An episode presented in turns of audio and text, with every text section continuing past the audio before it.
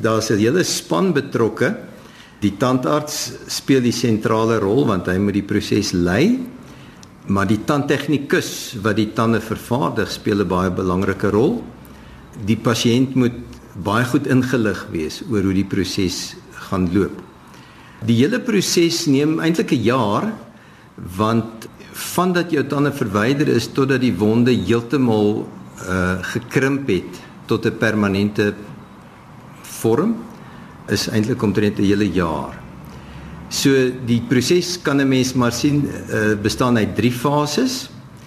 Uh fase 1 is die verwydering van jou natuurlike tande en die insit van 'n tydelike kunsgebit.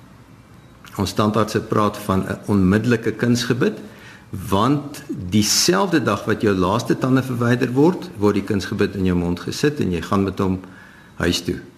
Eerste stap is ons verwyder kiestande sodat jy net met jou voortande gaan vir 'n hele paar weke om die die kiestande se wonde kans te gee om voldoende te genees en te krimp dat die kunsgebit redelik op daardie uh, tandvleis en beenrif kan pas. Wanneer daai wonde behoorlik genees het, uh, neem ons afdrukke. Dit gaan na die tandtegnikus. Op die modelletjie wat hy daarvan maak, staan die pasiënt se natuurlike tande soos wat hulle normaalweg staan.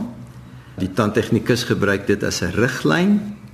Hy gebruik 'n klein saagie, hy saag die gipstandjies van die model af en dan stel hy tande op in was.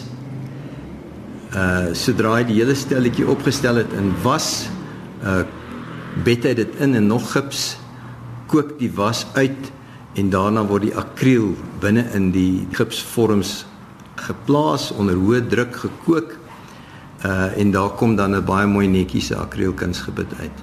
So 'n week nadat ons daai afdrukke geneem het, is die kunsgebit gereed en as jy dan vir jou afspraak kom, 'n bietjie lokaal verdowing, uh ons verwyder die laaste paar tandjies en ons sit die onmiddellike of tydelike kunsgebit sommer dadelik in.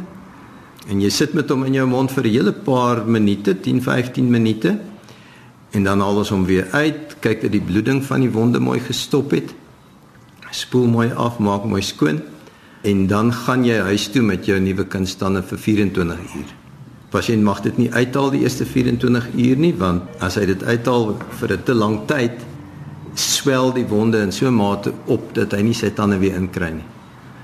So die eerste 24 uur bly die tande binne in jou mond Volgende dag as jy by die tandarts kom, haal hy vir die eerste keer die tande uit. En dan kyk ons waar dit skaaf, maak 'n bietjie verstellingkies vir die skaafplekke. En van dan af uh kan jy dit self uithaal, so twee keer op 'n dag om skoon te maak. En daai week is vir die pasiënt maar 'n swaar kry week, want dit is baie teer, jy moet maar net baie sagte goedjies eet. Uh pynpille byderhand hou. Maar gewoonlik na 'n week gaan dit al baie beter. Uh en sodra jy begin bietjie meer kou en dit begin 'n bietjie meer skaaf, dan is daar die behoefte vir 'n volgende klompie verstellings. En dan is ons eintlik oor die hond se rug vereers, dan gaan dit redelik goed. Uh maar dan omtrent 5 weke later, met ander woorde so 6 weke na die laaste tande verwyder is, raak daai stel los, want nou die wonde taamlik baie gekrimp en nou sit die tande baie los. En dan kom ons by by die tweede fase van die van die hele storie. En dit is dan een dag wat die pasiënt sonder tande moet loop. Hy moet vroegoggend die tande vir die vir die uh, tandarts inbring. Tandarts neem 'n afdrukkie binne in die kunsgebit om 'n nuwe paslaagie te kan maak. Dit gaan vir 'n dag na die tandtegnikus en dan gewoonlik as alles goed gaan dieselfde middag uh, kom die pasiënt terug en kry dan die tande wat dan baie beter pas. Dit moet miskien weer een of twee keer verstel word, maar dan is die pasiënt baie mooi aan die gang vir omtrent 'n jaar. Uh in die loop van daai jaar gaan die krimping van die wonde nog 'n bietjie voort sodat 'n mens gewoonlik vind na 'n jaar is die tande redelik los uh en dan vervang ons daai uh tydelike stel met 'n permanente stel. Uh en die permanente stelsel leeftyd is gewoonlik so 5 jaar uh of selfs 'n bietjie langer.